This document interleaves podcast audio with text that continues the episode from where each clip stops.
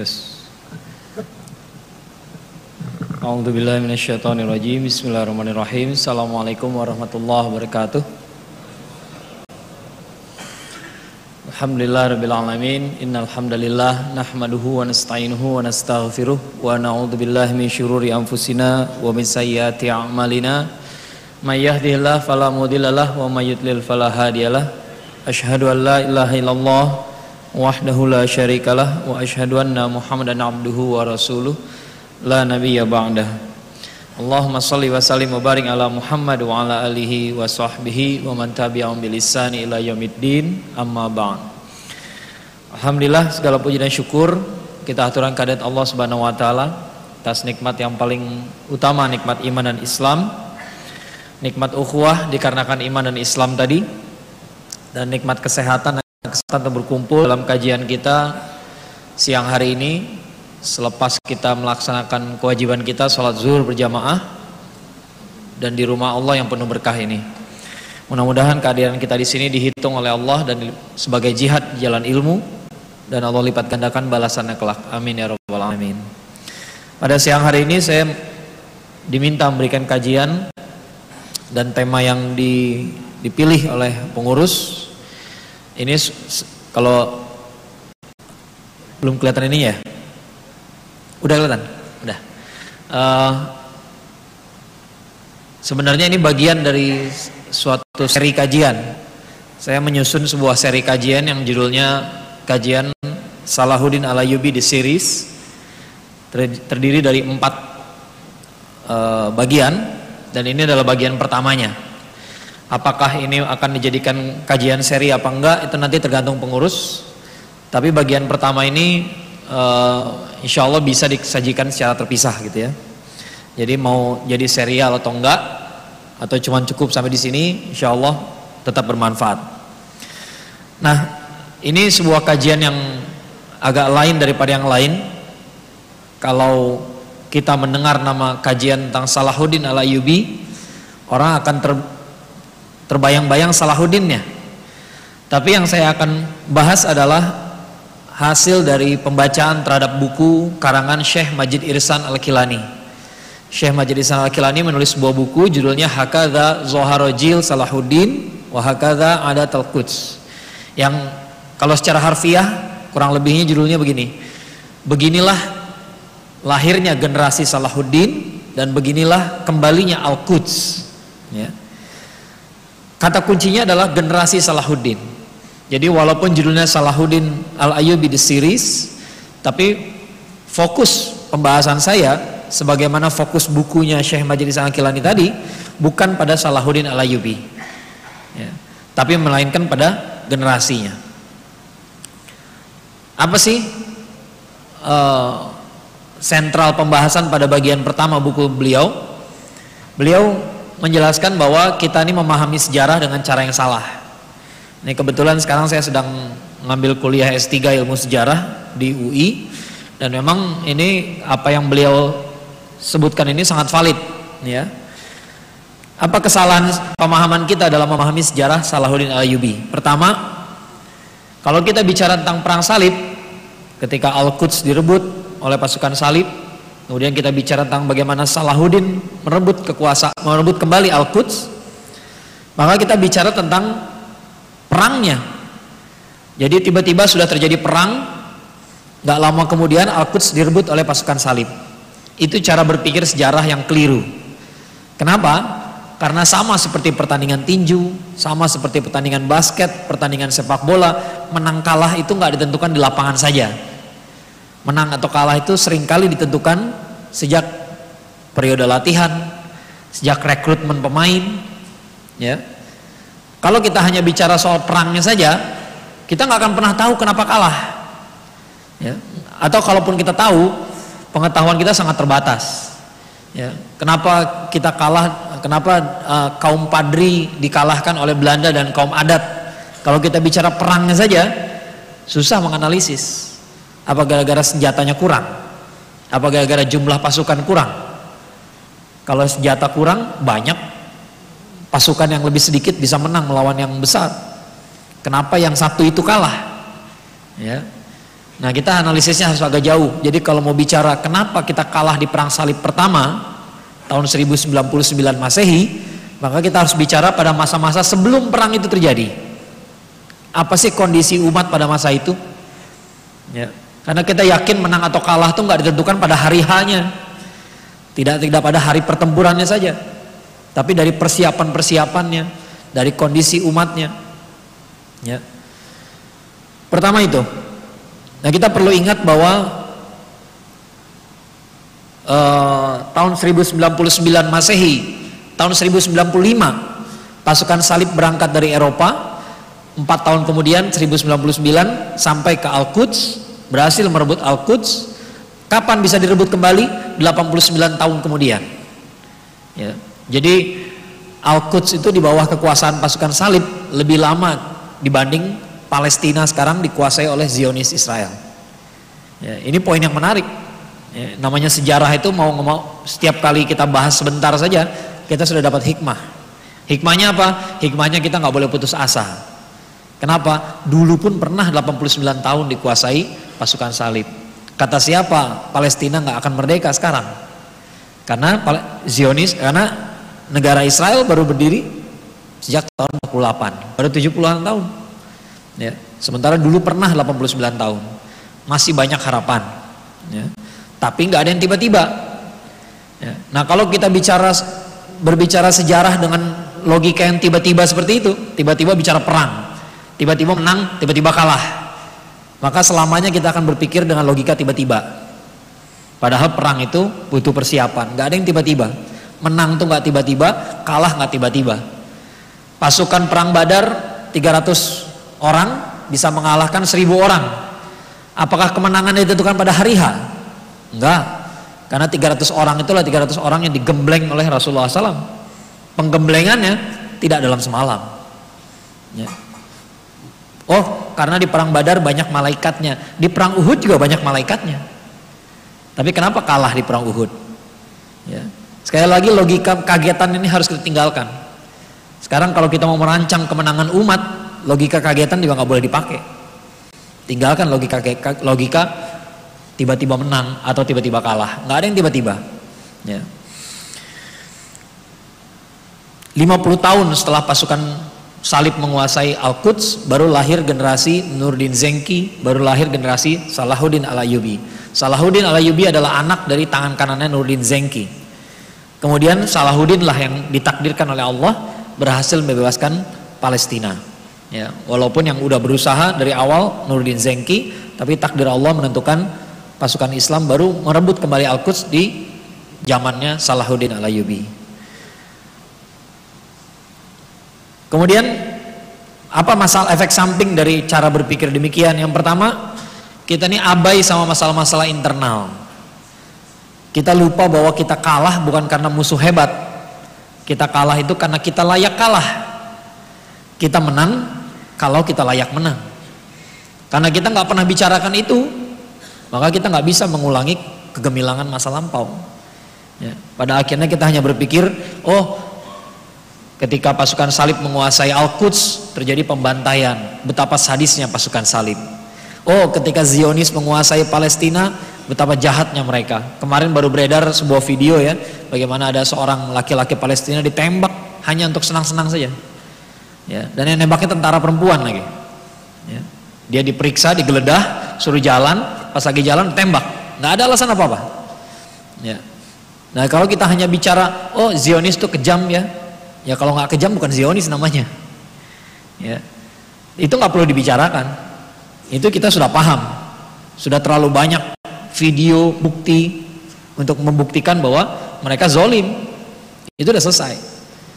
Ya.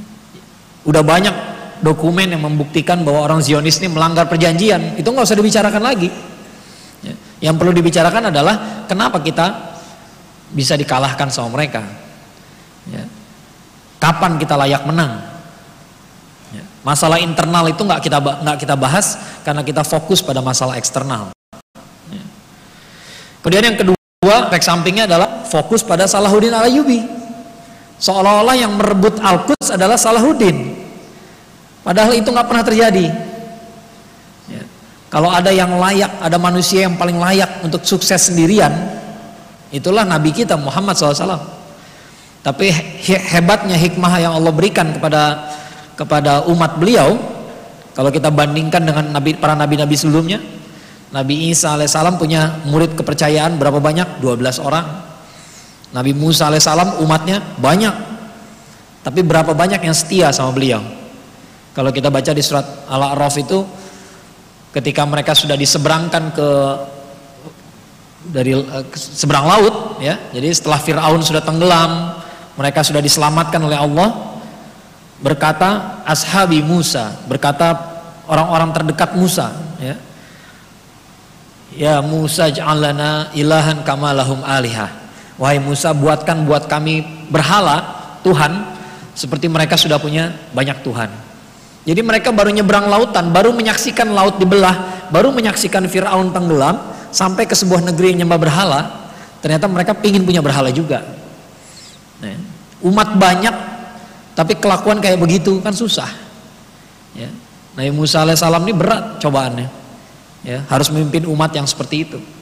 Nah tapi Nabi kita Nabi Muhammad SAW salah satu keistimewaan beliau adalah beliau berhasil mengkader para sahabat dengan dengan sangat masif. Generasi sahabat itu ribuan orang, banyak sekali. Ya. Rasulullah SAW tidak sukses sendirian. Bahkan manusia terbaik pun tidak sukses sendirian. Apalagi Salahuddin Alayubi. Yang merebut Al-Quds bukan Salahuddin Alayubi, tapi generasi Salahuddin. Kalau kita fokus pada Salahuddin melulu, ya akhirnya pertanyaannya klasik. Kapan akan lahir Salahuddin berikutnya? Itu pertanyaan ignorant kalau menurut saya. Kenapa ignorant? Karena lupa bahwa kenyataan namanya manusia itu adalah produk dari generasinya. Ya. Manusia itu genera produk dari generasinya.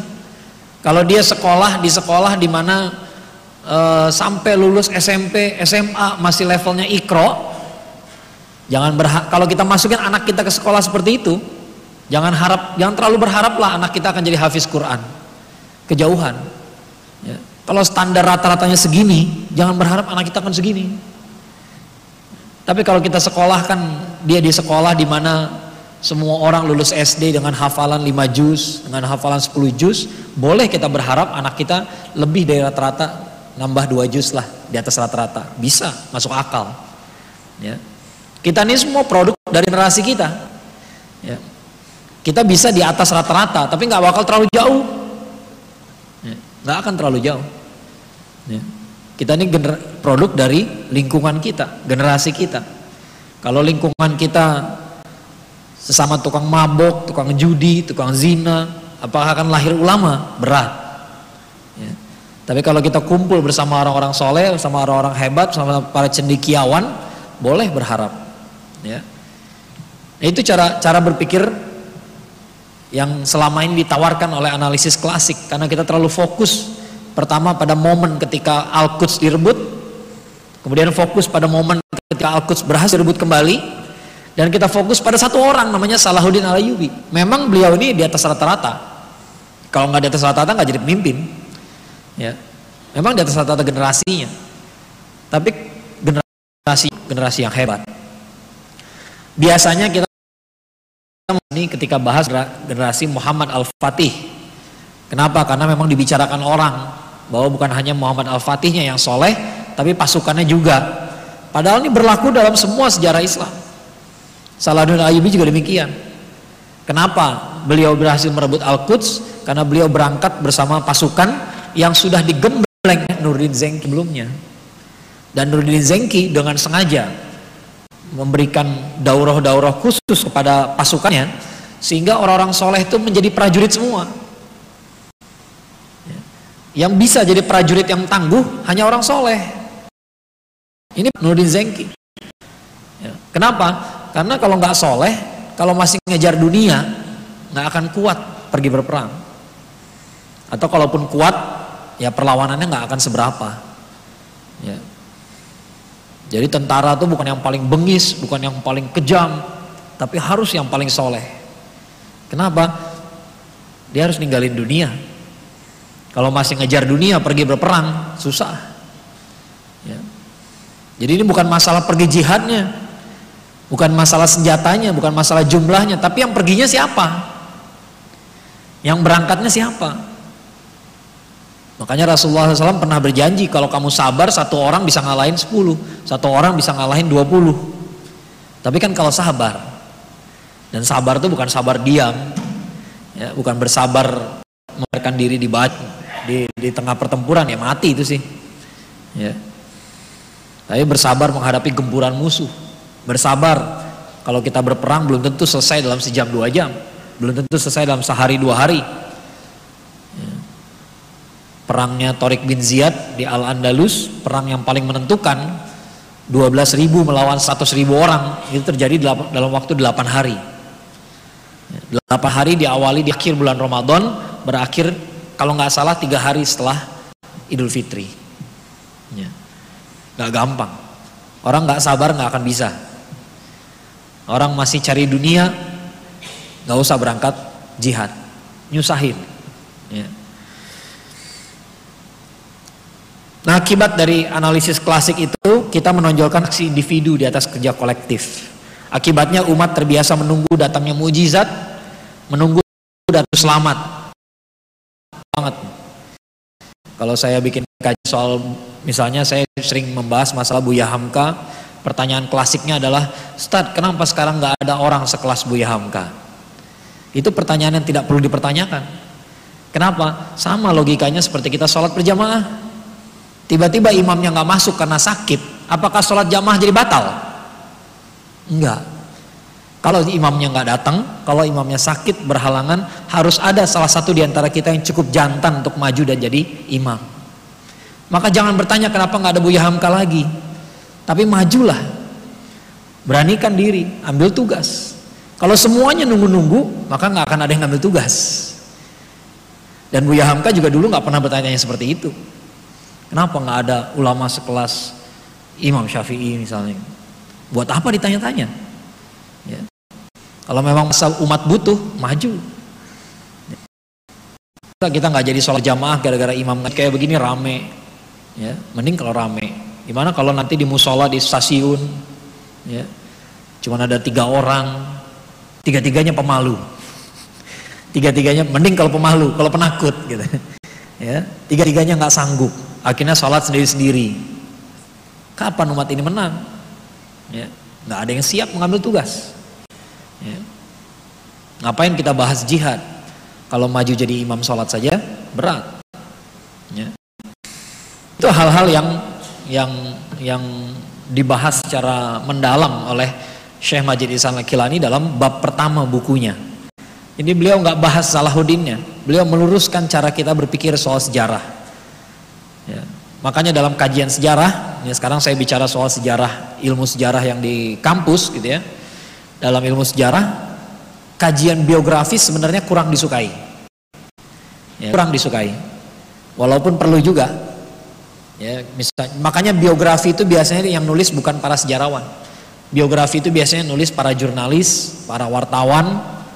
Ya, kalau di Indonesia juga demikian, para sastrawan.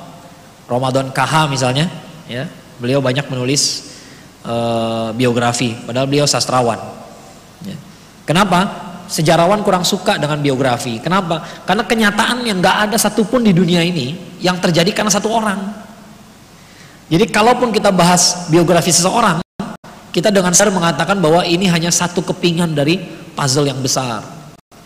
Nggak selesai kita bahas Salahuddin Alayubi. Ya. Kita harus bahas juga Nurdin Zengki. Kita harus bahas orang sebelumnya, Aksangkor. Kita harus bahas ulama-ulama sebelumnya. Kita harus bahas orang-orang di sekitarnya, baru jadi sejarah. Ya. Dan bicara soal orang pun, satu lagi sifatnya sejarah, dia harus memanjang dalam waktu ada periode. Karena seperti saya katakan tadi, sesuatu itu terjadi memang pada jadwalnya. Ya, salat zuhur terjadi, salat zuhur berjamaah di masjid ini misalnya, kalau nggak salah tadi kita mulai salat jam 12 tuh, kalau nggak salah, ya. Saya sebelum sholat tadi lihat jam dulu, 12.01. Tapi berkumpulnya orang-orang itu bukan dari 12.01. Dari 11.38 udah azan.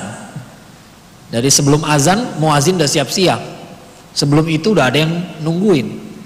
Ya, udah mulai datang orang berjalan satu persatu, ada yang naik lift, ada yang naik tangga, ya, ada yang ada yang datangnya kecepatan, ada yang terlambat. Banyak kisah. Itulah sejarah. Ya, itulah sejarah. Kenapa berkumpul sekian saf untuk sholat zuhur? Itu tidak terjadi pada 12.01.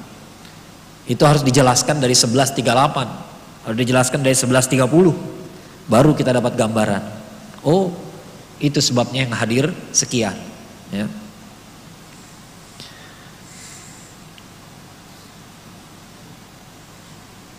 Ini yang uh, ini sebuah ayat yang bicara tentang kaum Nabi Musa alaihissalam. Qala ya Musa inna lan abadam madamu fiha.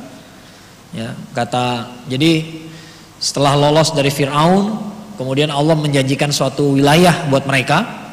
Tapi wilayah itu dijaga oleh orang-orang perkasa. Ini di zaman Nabi Musa alaihissalam. Kenapa orang kaum Nabi Musa AS masih takut dengan bangsa yang perkasa. Padahal mereka baru menaklukkan bangsa yang perkasa juga. Mereka baru lihat Fir'aun aja diberesin sama Allah. Ya. Tapi ternyata itu nggak buat mereka lebih pede untuk menghadapi tantangan berikutnya. Sampai-sampai di, dinyatakan, udah kamu masuk aja pasti menang. Ya. Sampai kalimat dia begini, ya Musa kami nggak akan masuk sebelum mereka keluar. Bahkan Kemudian Bani Israel di zaman Nabi Musa SAW mengatakan sesuatu yang nggak pernah iblis pun mengatakannya, nggak pernah. Apa kata dia?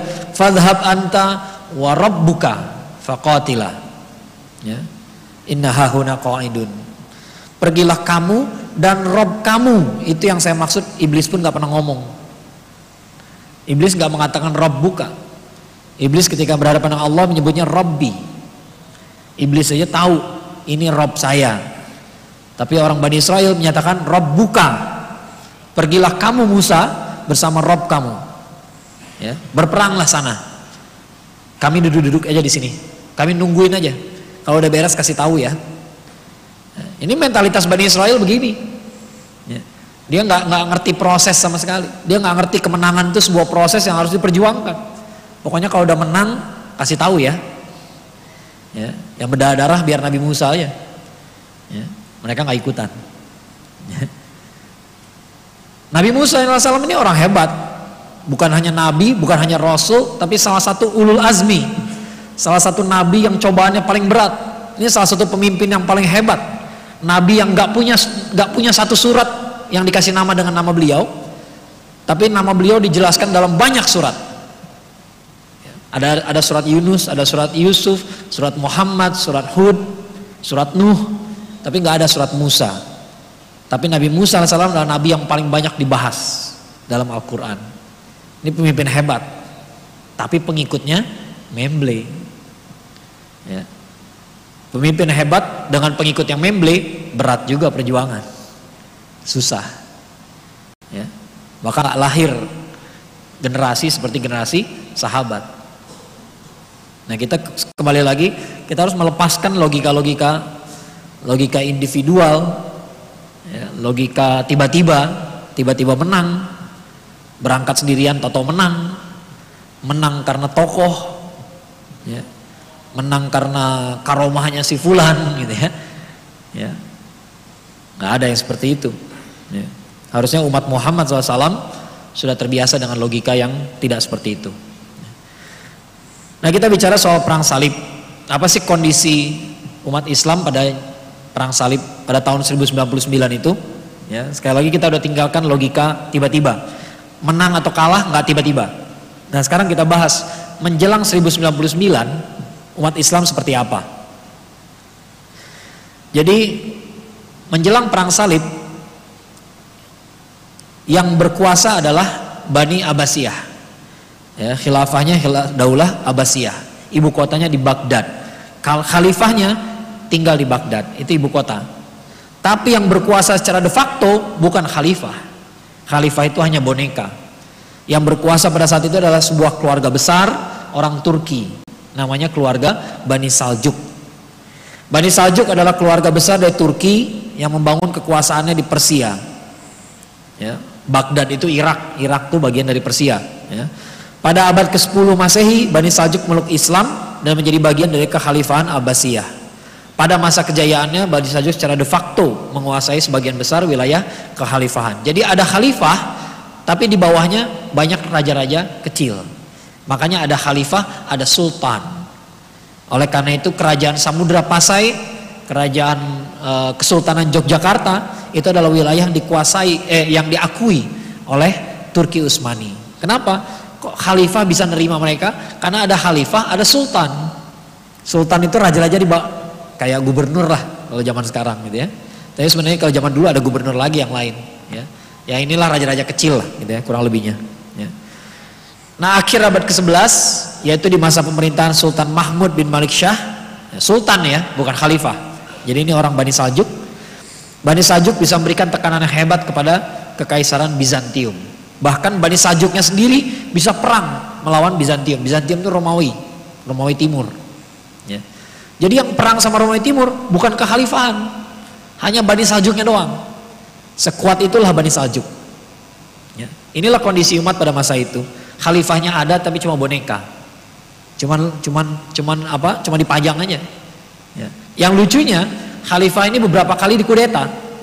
Tapi dikudeta lalu dibereskan sama, sama Bani Saljuk pemberontakannya ya. Pemberontaknya dieksekusi, habis itu khalifahnya dinaik, dinaikin lagi. Bani Saljuk nggak sama sekali nggak punya ambisi pengen jadi khalifah. Kenapa? Enak jadi dalang. Lebih enak jadi dalang daripada jadi wayang. Karena kalau kudeta yang dibunuh wayangnya, dalangnya aman. Ya.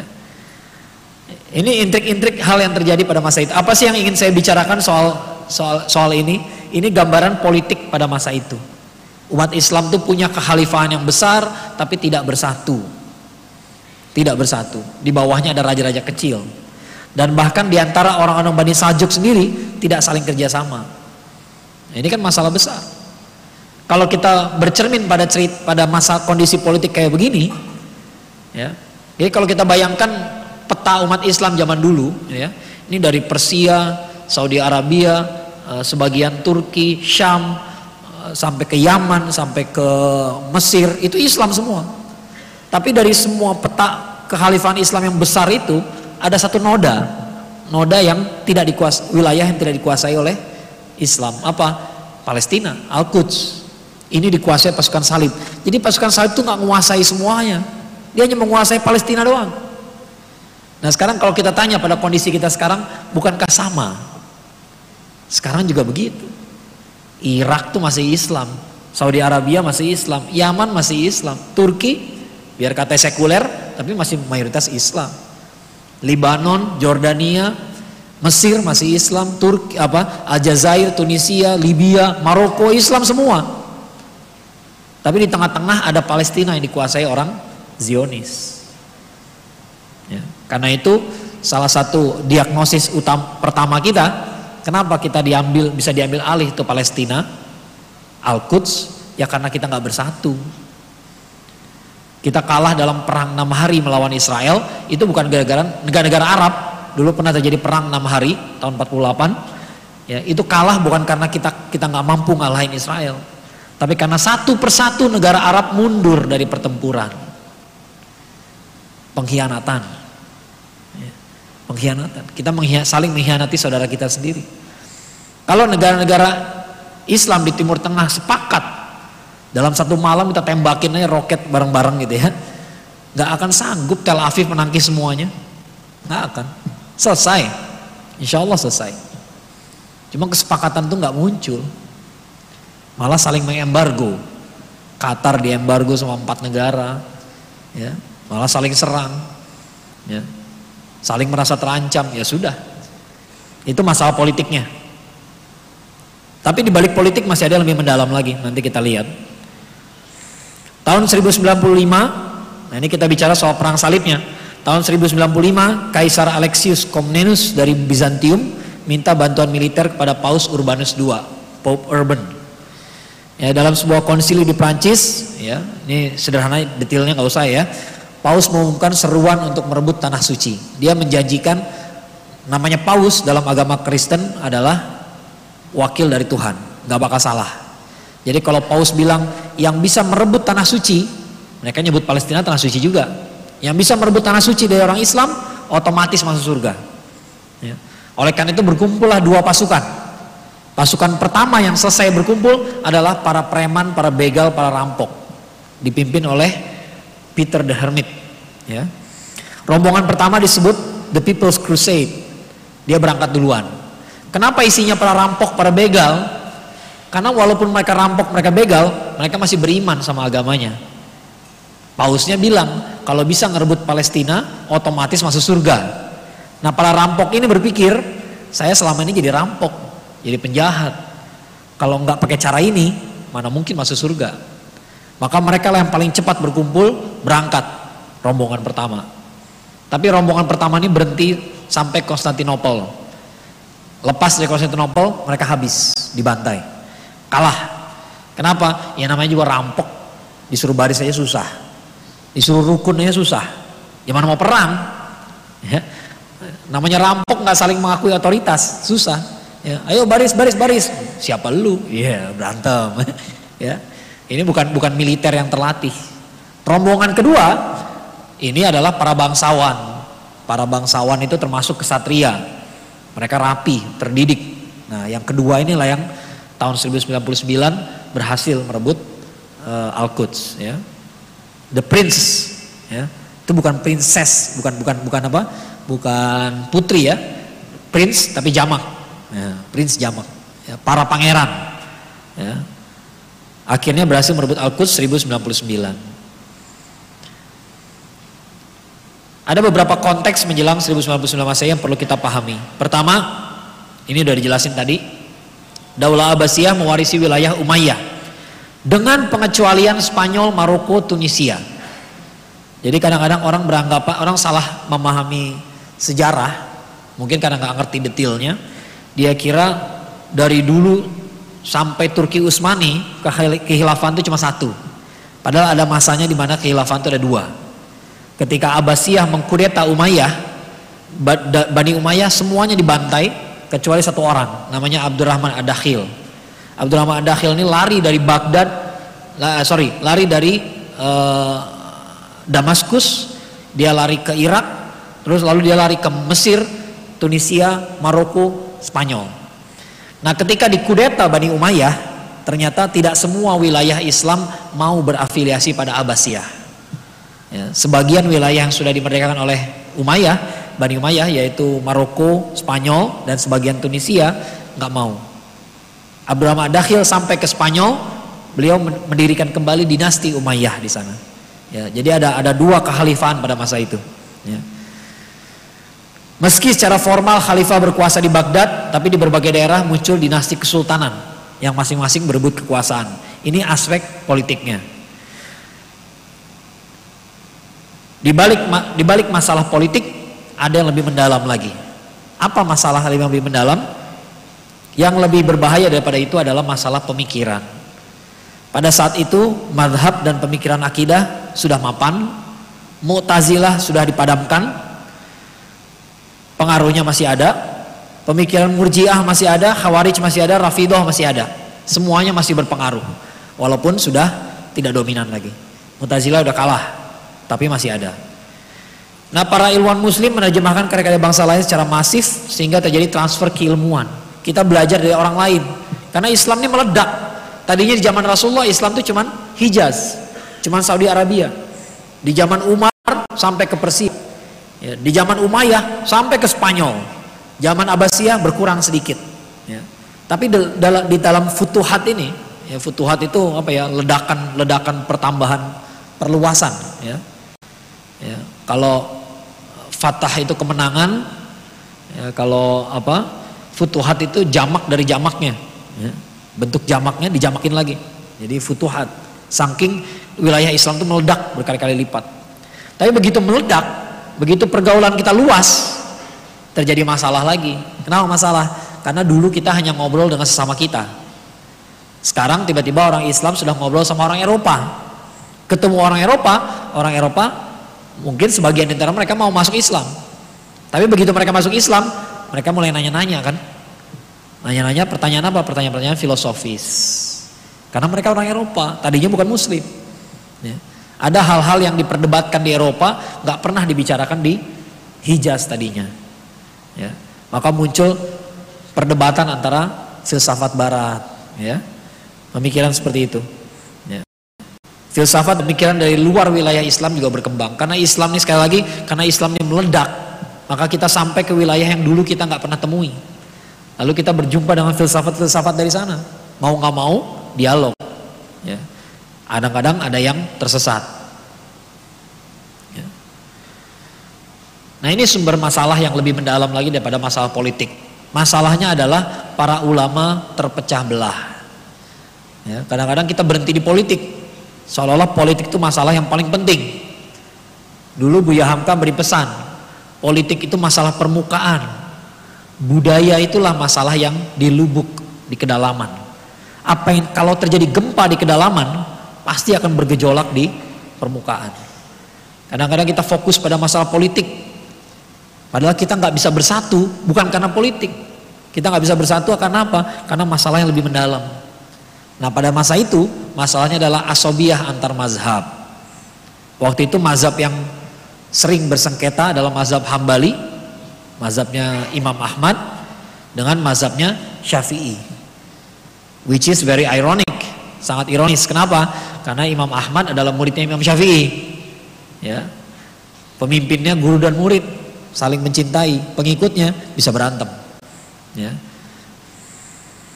Perpecahan ini menyebabkan dampak yang berat dalam tiga aspek. Aspek pemikiran, aspek pendidikan, aspek sosial politik. Aspek pemikirannya apa? Ini ter slide terakhir ternyata.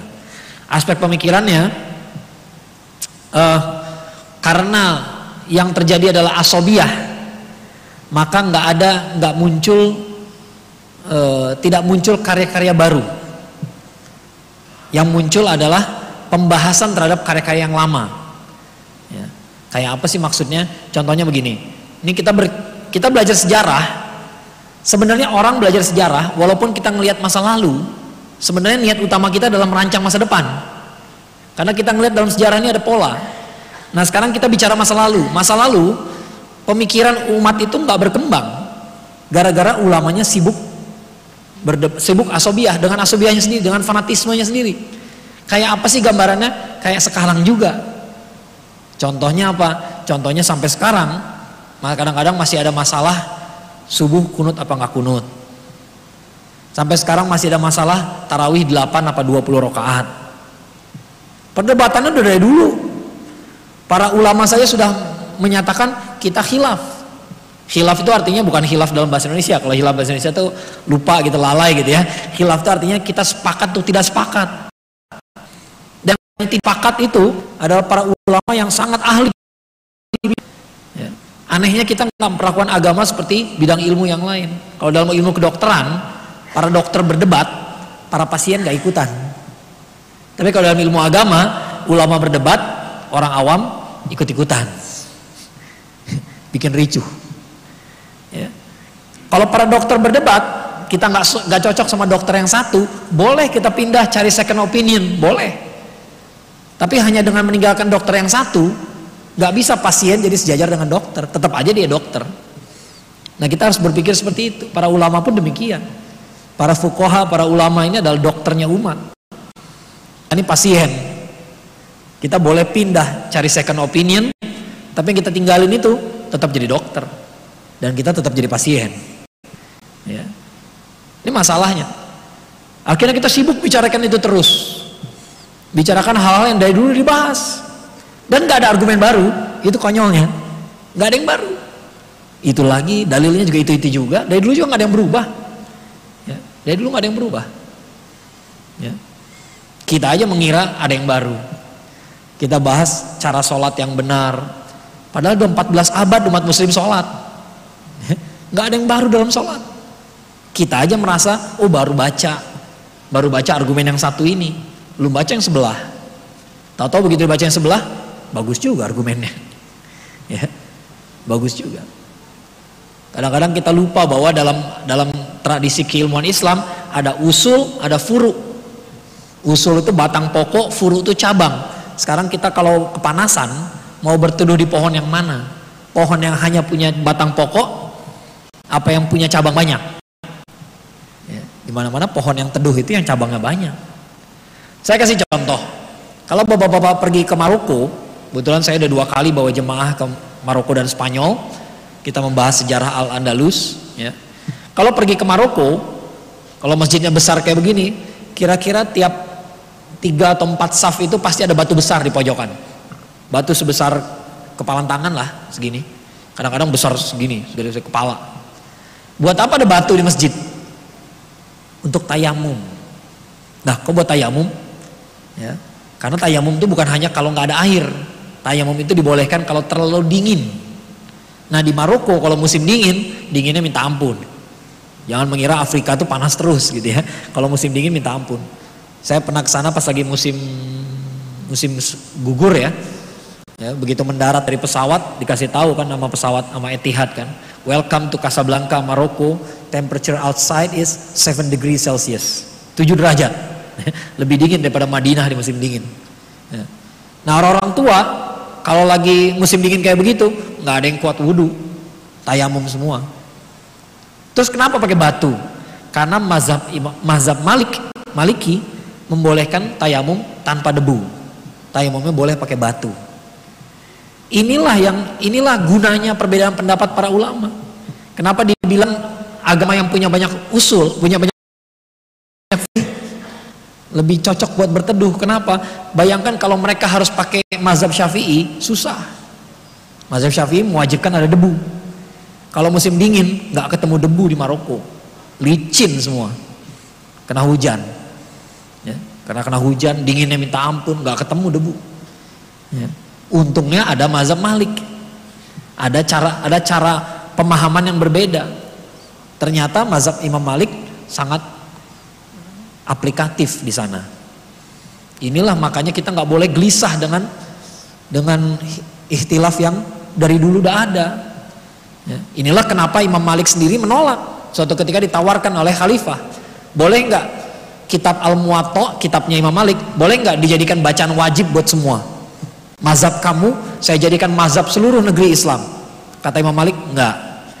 Biarkan tiap wilayah punya mazhabnya masing-masing. Ya. Kenapa? Karena ada yang aplikatif di sana, tidak aplikatif di sini. Ada yang membantu, sangat-sangat membantu masyarakat muslim di sana, di sini nggak ngaruh. Begitu. Dan itu dihasilkan dari dalil yang sama. Kadang-kadang mereka baca dalil yang sama, hadis yang sama, tapi cara memahaminya nggak persis sama. Dan ternyata itu malah jadi solusi bagi umat Islam. Harusnya kita memahami usul dan furu sebagai solusi. Kalau umat agama ini hanya usul saja, batang pokok saja, orang mau berteduh di mana? Umat ini mau berteduh di mana? Ya. Itu makanya pemikiran gak berkembang. Sekarang ini kita punya banyak harus dibahas. Kita harus bahas bagaimana hukumnya cryptocurrency.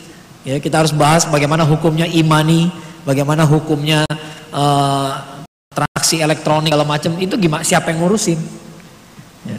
Kalau kita masih sibuk bahas masalah subuh, masalah tarawih, masalah hal-hal yang sudah dibahas dari dulu. Itu yang saya maksud pemikiran gak berkembang. Karena kita fokus pada masalah-masalah yang karena kita fokus pada asbiah. Kita pengen ngedebat orang lain. Kita pengen ngasih lihat orang lain salah. Orang lain argumennya gak bagus. Ya, padahal dengan cara kayak begitu kita memperlihatkan kebodohan kita sendiri. Seolah-olah kayak barang baru gitu. Ya. Kemarin waktu di akun Instagramnya Ustadz Bakhtiar Nasir ada videonya minum berdiri ya tiba-tiba anak-anak nggak tahu dari mana komentar semua Ustadz kenapa minum berdiri kan nggak boleh minum berdiri wow gitu ya nggak ada yang nanya pokoknya semuanya langsung hajar aja ngegas bahasa sekarang gitu ya langsung ngegas ya karena dia baca Rasulullah melarang minum berdiri ya. padahal ada banyak hadis yang menunjukkan bahwa Rasulullah membolehkan minum berdiri Melarang tuh nggak mesti haram. Melarang tuh bisa jadi makruh. Contohnya apa? Contohnya saya mau pergi ke stasiun habis dari sini. Naik apa? Naik taksi. Tiba-tiba orang yang bilang, jangan naik gojek aja. Apakah jangan berarti haram? Enggak, tapi lebih baik naik gojek misalnya. Ya, lebih baik naik ojek online. Ya. Enggak mesti jangan itu berarti tidak boleh. Ya. Dengan bersikap seperti itu, dia justru memperlihatkan bahwa mereka kurang paham, belum paham. Ya. Kapan kita membahas masalah-masalah yang lebih urgent? Ya. Bagaimana, kapan kita membahas bagaimana menguasai sains misalnya? Ya, kalau kita masih berhenti pada kasus-kasus yang dari dulu udah dibahas. Yang kedua dalam masalah pendidikan. Ya, tadinya menjadi ulama itu adalah menjadi ulama tuh nggak pernah jadi apa ya? keulamaan tuh nggak pernah jadi sumber penghasilan. Makanya orang orang Barat salah menafsirkan sejarah Indonesia, sejarah Islam di Indonesia. Dia bilang Islam dibawa oleh pedagang. Yang benar bukan begitu. Islam nggak dibawa oleh pedagang. Islam itu dibawa oleh ulama yang berdagang. Kenapa ulama harus berdagang? Karena dakwah bukan sumber penghasilan. Ya. Dakwah, dakwah bukan sumber penghasilan. Gak benar kalau ada orang datang diminta ngisi kajian, Tiba-tiba yang ditanya pertama kali adalah tarif. Nah itu udah nggak benar. Ironisnya itu banyak terjadi sekarang. Ya. Tiba-tiba keulamaan jadi keprofesian. Kalau sudah jadi sumber penghasilan, akibatnya jadi rebut-rebutan. Rebutan jamaah, rebutan masjid, rebutan ini, rebutan itu. Ya. Ada orang soleh muncul, ada ustadz baru, hebat, bagus ilmunya, tiba-tiba yang lain terancam. Ya, siapa yang ngajarin akhlak seperti itu? Kalau ketemu orang soleh, dia jadi orang soleh karena dia disayang sama Allah. Maka kita nggak akan disayang sama Allah kalau kita nggak sayang sama dia. Gimana kita mau minta disayang sama Allah kalau orang yang Allah sayangi malah kita benci? Ya. Kalau semua orang sudah saling insecure seperti itu, apalagi para ulamanya. Kalau para ulama sudah saling insecure, ya udah nggak bakal maju-maju. Pendidikan mandek stop. Ya. Kenapa? Karena menjadi ulama sudah bukan lagi hasrat ukhrawinya, bukan bukan bukan jar akhirat lagi sekarang. Ya. Nah itu repot. Yang ketiga baru masalah sosial politik.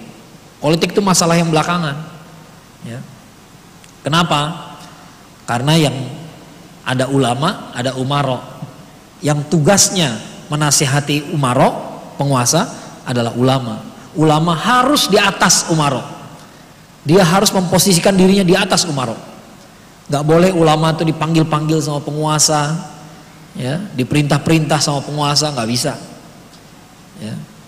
Ulama itu harus memposisikan diri di atas yang lain. Bukan berarti sombong maksudnya gitu ya. Ini contohnya Buya Hamka nih punya punya sifat yang punya punya sikap yang menarik dalam hal ini. Ini sebagai penutup saja ya. Buya Hamka tuh punya sikap yang menarik. Buya Hamka tuh bilang uh, anaknya lebih tepatnya, anaknya itu mengatakan bahwa Buya, bapaknya ini Buya Hamka diundang ke mana saja mau, meresmikan musola di kampung aja dia mau, walaupun udah jadi ketua MUI, ya dulu udah jadi ketua MUI, diundang meresmikan musola di kampung datang juga, dikasih nasi bungkus pun datang. Tapi kalau yang undang pemerintah, dia akan minta hotel bintang 5, dia akan minta pesawat kelas VIP.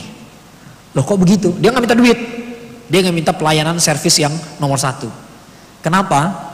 Karena penguasa harus tahu cara bersikap pada ulama. Itu alasannya. Beliau nggak akan minta kemewahan dari rakyat jelata. Tapi kalau penguasa yang minta, jangan harap dia mau yang kelas 1, kelas 2. Ya. Kelas yang paling tinggi. Ya. Karena penguasa harus tahu cara bersikap pada ulama. Ketika beliau diangkat jadi ketua MUI, syarat beliau nomor satu adalah tidak mau digaji. Kenapa? Nggak boleh ada orang mengatakan ini ulama hidup dibayarin sama anggaran negara. Ini orang hidup dibayar sama pemerintah, nggak boleh. Itu cara para ulama menjaga martabatnya. Kalau ulama masih bermartabat, penguasa nggak akan berani macam-macam, nggak akan bisa ngapa-ngapain. Pasti penguasa bisa dikontrol. Nah, kita kembali pada bahasan awal kita, inilah kondisi umat Islam pada zaman itu. Jadi di sinilah kita ngerti kenapa umat Islam kalah di tahun 1099 Masehi. Kalah di perang salib itu nggak tiba-tiba. Memang ada masalah yang sudah sangat parah, ya, sudah bertahun-tahun terjadi. Oleh karena itu kita layak kalah dan baru layak menang 89 tahun kemudian. Ya. Kembali pada tujuan kita belajar sejarah, kita melihat masa lalu, tapi niatnya sebenarnya bicara masa depan. Sekarang kalau kita bercermin pada masa masa sekarang, bukankah kondisinya sama juga? Umat Islam ini punya negara besar-besar tapi nggak bersatu. Di dalam negaranya pun tidak bersatu. Apalagi antar negara. Indonesia Malaysia bisa berantem gara-gara sepak bola. Padahal nenek moyangnya sama, mukanya sama, bahasanya mirip, makanannya persis. makanannya persis sama. Kita kita makan masakan Padang di sana aman lah. Ya, sama semua makanannya. Ya, hati kita nggak bersatu. Ya, kita kita cuekin orang Rohingya, kita nggak pedulikan orang Palestina, bodoh amat orang Suriah. Nah, kalau kondisinya masih kayak begitu ya susah. Ya, tapi tidak bersatunya kita secara politik itu hanya masalah permukaan. Yang lebih mendalam apa? Yang lebih mendalam tugas utamanya adalah tugas para ulama. Ulama yang harus melepaskan diri dari jerat dunia. Lepasin. Ya. Kalau ulama masih cari cari cari uang dari dakwah itu masalah. Kalau ulama masih punya asobiah, masih saling insecure dengan yang lain, dia nggak akan bisa mendidik umat dengan benar. Maka tidak lahir generasi Salahuddin. Tidak lahir generasi Salahuddin, nggak akan direbut lagi Al-Quds. Ya. Nanti direbutnya kalau sudah berhasil kita mengubah keadaan ini. Nah sekarang kita punya analisis yang lebih cakep, ya, lebih bagus, ya, lebih jelas Kenapa Salahuddin belum lahir kembali? Karena generasinya belum ada. Maka tugas kita sekarang adalah menciptakan generasi itu. Jadi kalau kita bekerja untuk dakwah, jangan berharap menangnya tahun depan. Jangan berharap dua tahun lagi jadi menang. Ya, tapi berpikirlah kalau kita nggak merasakan kemenangan itu, mudah-mudahan anak-anak kita yang merasakan. Mudah-mudahan cucu-cucu kita yang merasakan. But that's okay. Kenapa? Karena walaupun yang menang cucu kita, tapi kemenangan itu adalah hasil kerja kita juga. Allah nggak akan salah hitung. Nggak akan Allah tinggalkan orang yang berkontribusi. Nggak akan kelupaan. Ya. Oleh karena itu marilah kita bekerja, nggak usah pikirin hasil, pokoknya kerja dulu. Sekuat-kuatnya kita, insya Allah Islam pasti menang. Dan bahkan kemenangan Islam itu sudah dijanjikan. Jadi kita nggak usah gelisah lagi. Menang nggak ya? Islam di akhir zaman menang nggak ya? Pasti menang. Masalahnya kita terlibat apa enggak itu yang belum pasti. Ya. Itu yang harus kita perjuangkan. Mudah-mudahan bermanfaat. Saya cukupkan sampai sini dulu. Uh, insya Allah kita ketemu lagi dalam keadaan iman kita lebih baik, amal soleh kita semakin baik. Mudah-mudahan kita ketemu dalam, mudah-mudahan Allah panggil kita di saat-saat kita yang terbaik. Mudah-mudahan kita berjumpa dengan Allah dengan kepala tegak, bukan dengan kepala tertunduk ketakutan. Mudah-mudahan Allah ridho pada kita dan kita pun ridho pada Allah. Bila taufiq Assalamualaikum warahmatullahi wabarakatuh.